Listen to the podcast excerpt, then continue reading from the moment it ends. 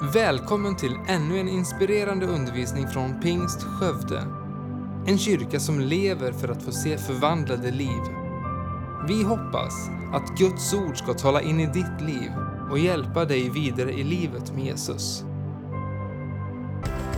Vill du veta mer om vår kyrka eller komma i kontakt med oss så besök gärna vår hemsida www.skövdepingst.se hemmahamn ute i Hemtorp, Sankt Johannes kyrka.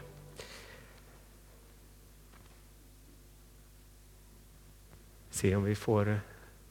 Där ja. Ur Lukas evangeliet. Farisén ställde sig och bad för sig själv. Jag tackar dig Gud för att jag inte är som andra människor, tjuvar och bedragare och horkarar eller som tullindrivaren där. Jag fastar två gånger i veckan. Jag lämnar tionde av allt jag köper.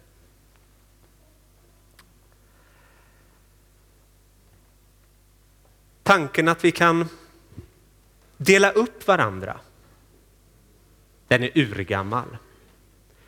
Tanken på att det skulle finnas ett vi och ett dom. Det är nog en av grundtankarna i den mänskliga naturen tror jag. Ett vi för de människor som är som vi. Som vi delar idévärld med. Som vi vill höra ihop med. Som vi kan identifiera oss med. Ett dom för alla de andra. En idévärld och en verklighetsuppfattning som vi som formar oss och som formar våra handlingar och förmodligen mer än vad vi kanske förstår eller vill förstå. En idévärld som vi kanske har tagit över av våra föräldrar och som vi planterar hos våra barn. När jag gick på gymnasiet, det var i Falköping, då ehm, tänkte inte vi alltid goda tankar om labbåsarna. Det vill säga de som kom från Tidaholm och gick på våran skola. De var tvungna att göra det eftersom alla program som erbjöds hos oss inte erbjöds i eh, Tidaholm. Bönder, tänkte vi, med eftertryck. Som om vi var så sofistikerade och världsvana i Falköping. Men eh, vi visste det att till och med fåglarna lägger sig på rygg och flyger för att slippa se eländet när de måste passera Tidaholm av en eller annan anledning. När vi flyttade till Skövde, då bosatte vi oss i fel del av stan. Men snälla du, i Ryd kan man väl inte bo? Det var mer än en person som sa det. Hyggliga, vanliga människor och inte sällan var det människor med rätt höga positioner i både samhälle och i kyrka. Nu den senaste tiden har gatubilden här i Skövde och i många andra städer förändrats. Ni vet vad jag talar om. Vi har fått någonting som vi kanske inte alltid är så bekväma med och som vi framförallt inte är vana vid. Och nu höjs allt fler röster för att vi ska förbjuda det. Förbjud tiggeriet. Det stör. Det förstör gatubilden och det förstör något mer kanske, nämligen vår självbild. Förbjud tiggeriet. Då kan vi återställa ordningen. Det här är som sagt inget nytt. Att vi delar upp i ett vi och ett dom, det har förmodligen funnits lika länge som människan har funnits. Eller vad sägs om de här orden från dagens text och från huvudtexten för ekumeniska böneveckan? Samariskan sa, hur kan du som är jude be mig om vatten? Jag är ju en samarisk kvinna. Judarna vill inte ha något med samarierna att göra. Samarierna vägrade att tillbe Gud i Jerusalem. där det heliga templet fanns. De störde Jerusalems återuppbyggnad efter hemkomsten från Babylonien. Samarierna erkände bara de fem Moseböckerna, alltså Toran, som helig text. Och med stöd av det så menade man att det rätta templet, det låg inte alls i Jerusalem, utan det fanns på berget Gerizim, där samarierna tillbad. Så umgänget mellan judar och samarier, det var ja, lite ansträngt på Jesu tid. Parentesen, judarna vill inte ha något med samarierna att göra. Det har i den grekiska texten en underton. Man använder ett ord som också betyder att använda något tillsammans. Samarierna de var alltså så orena tänkte man sig att man inte ens kunde dricka ur ett kärl som en samarier hade använt. Och vad gör Jesus? Han säger ge mig något att dricka. Jag vet inte hur det är med er, men ibland måste jag påminna mig själv om hur radikal Jesus är. Hur nydanande han är. Hur otroligt frisk och sund atmosfären runt honom är. Och hur han verkligen är gränsöverskridandets store Herre. Som gör det oväntade. Som inte viker ner sig, som inte låter andra sätta agendan. Som konsekvent vägrar att gå in i de redan uppkörda hjulspåren. Som hela tiden bryter ny mark. Och naturligtvis fick han många anhängare. Får han många anhängare. Men också många och mäktiga fiender. Det han säger och det han gör, det, det är ju underbart. Det är underbart. Men det är också farligt. För vad han ytterst säger, det är, det finns inget vi och dem. Det finns bara ett vi. I detta vi ryms alla. Aposteln Paulus hör till dem som förstod det. Han skriver i Galaterbrevet några mycket kända ord. Nu är ingen längre jude eller grek, slav eller fri, man eller kvinna. Alla är ni ett i Kristus Jesus. Och Jesus visar det otroligt konkret i mötet med den samariska kvinnan.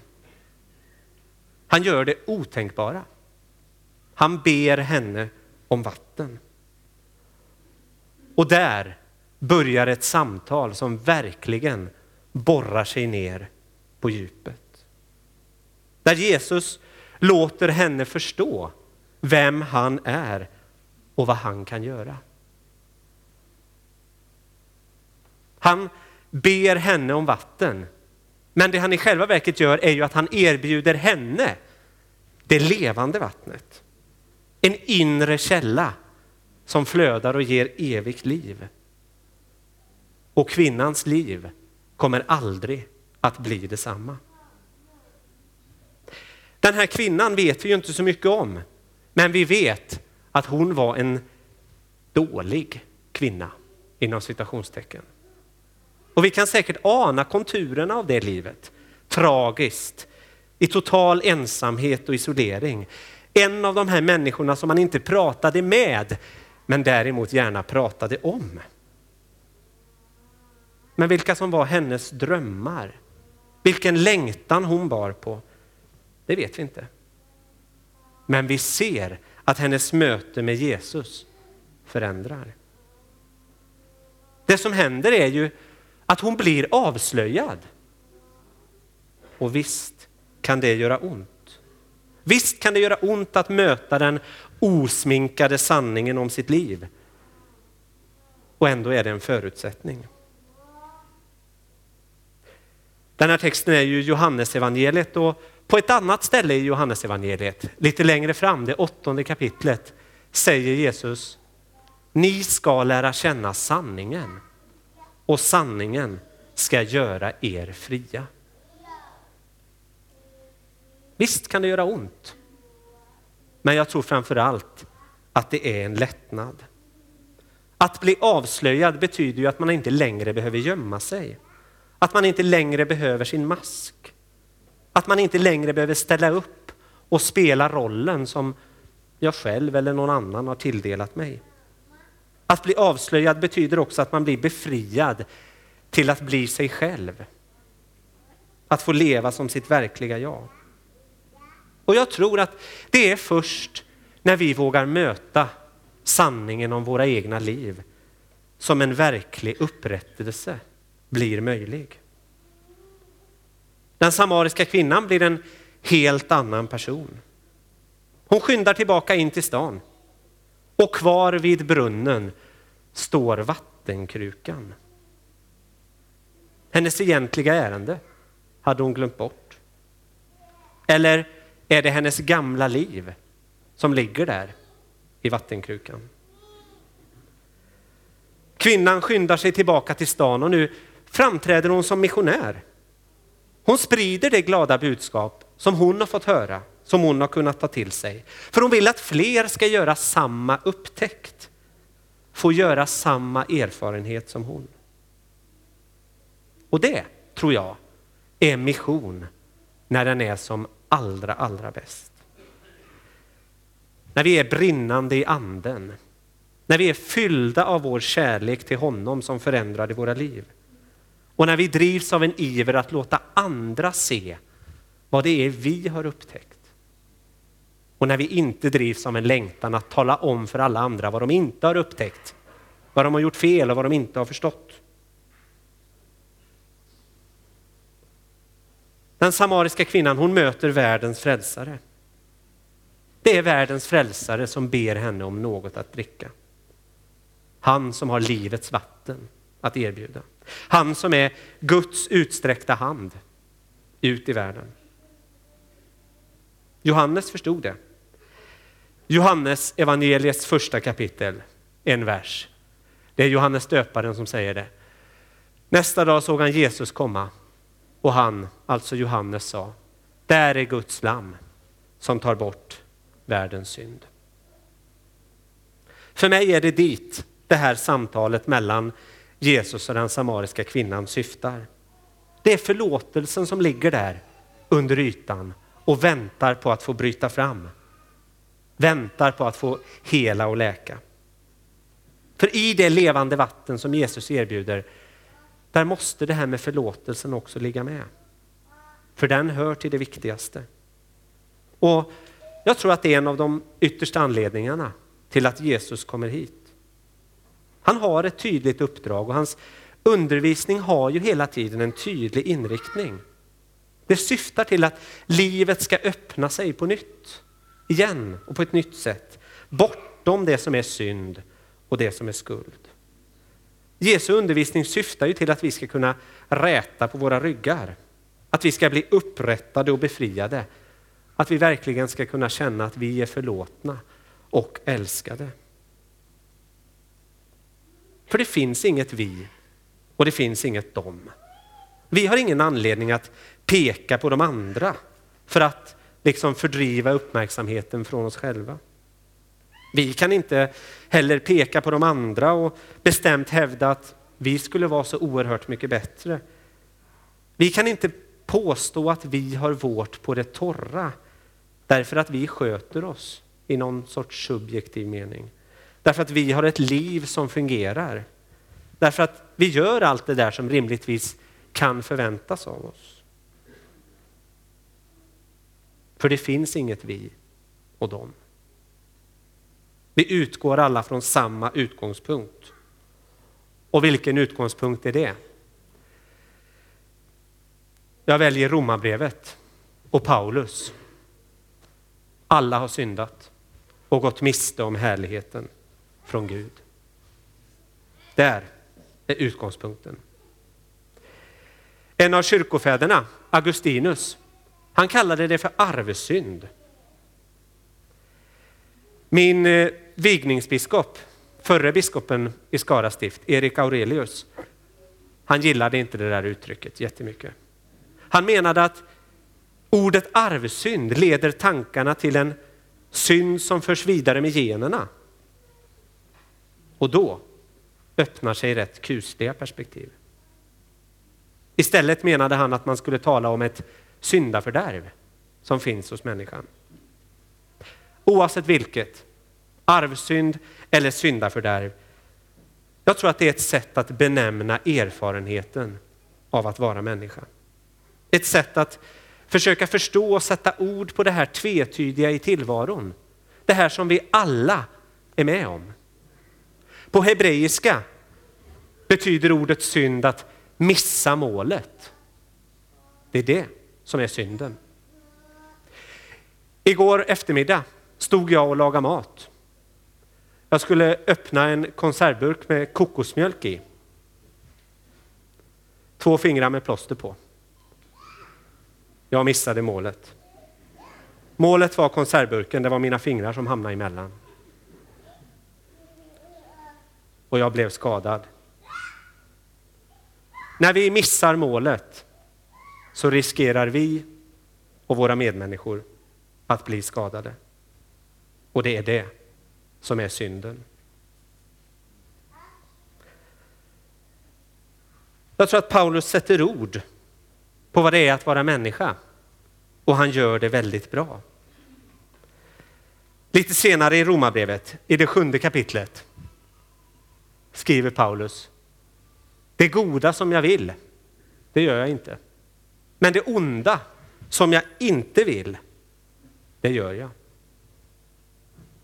Det här är ett av mina absoluta favoriter i Bibeln.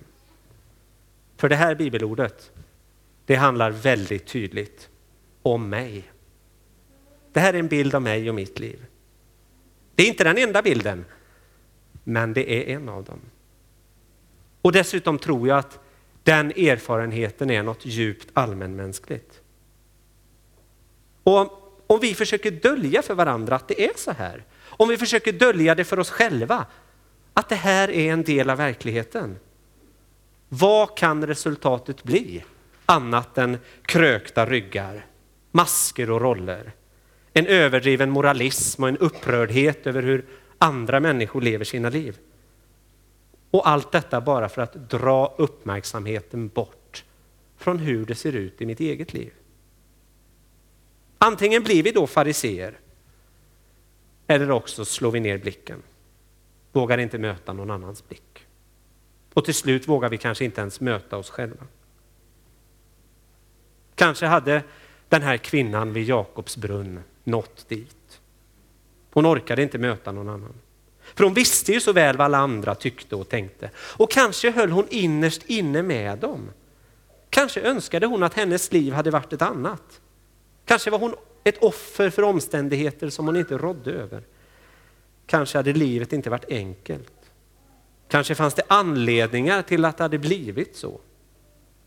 Men eftersom ändå ingen lyssnade på henne så undviker hon tider och platser när andra är i rörelse. Hon går till brunnen när ingen annan är där. Men det är någon vid brunnen när hon kommer dit. En som ser igenom. För det finns en som ser vår längtan. Det finns någon som ser bortom de rena handlingarna. Som ser att det kan finnas ett glapp mellan det vi ville och det vi gjorde. Som ser möjligheterna och potentialen och som tycker att vi alltid borde få en andra chans. Visa att vi kan bättre. Oavsett hur vi går vilse i våra egna liv med alla våra möjligheter så finns det alltid hjälp. Och det får ju den här kvinnan vid brunnen erfara. Att det finns någon som hör bönen som stilla uttalas i vårt allra innersta. Älska mig mest när jag förtjänar det minst. Det är då jag behöver det som mest.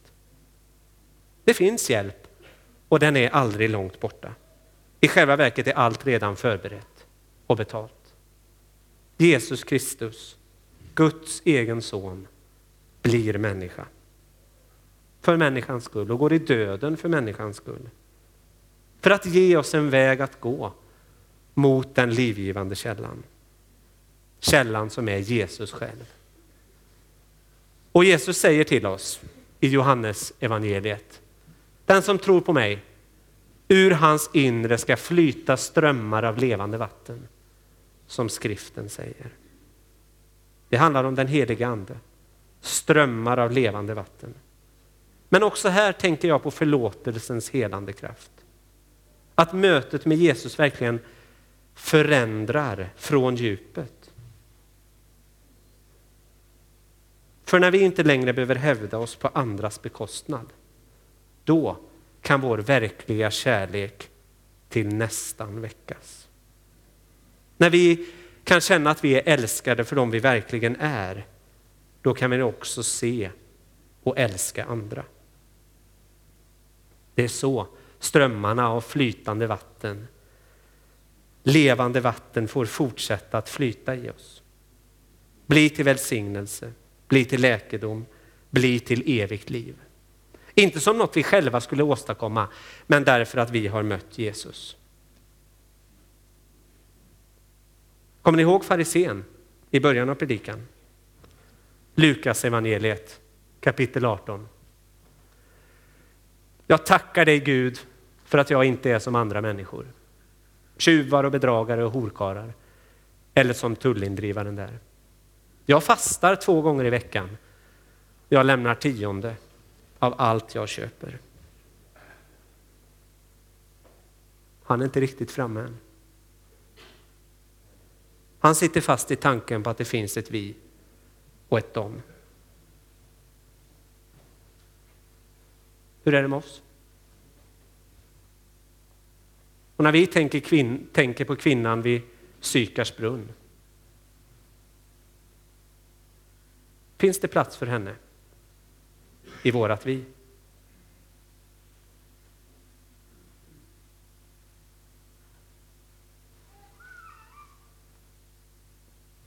Gud vår Fader,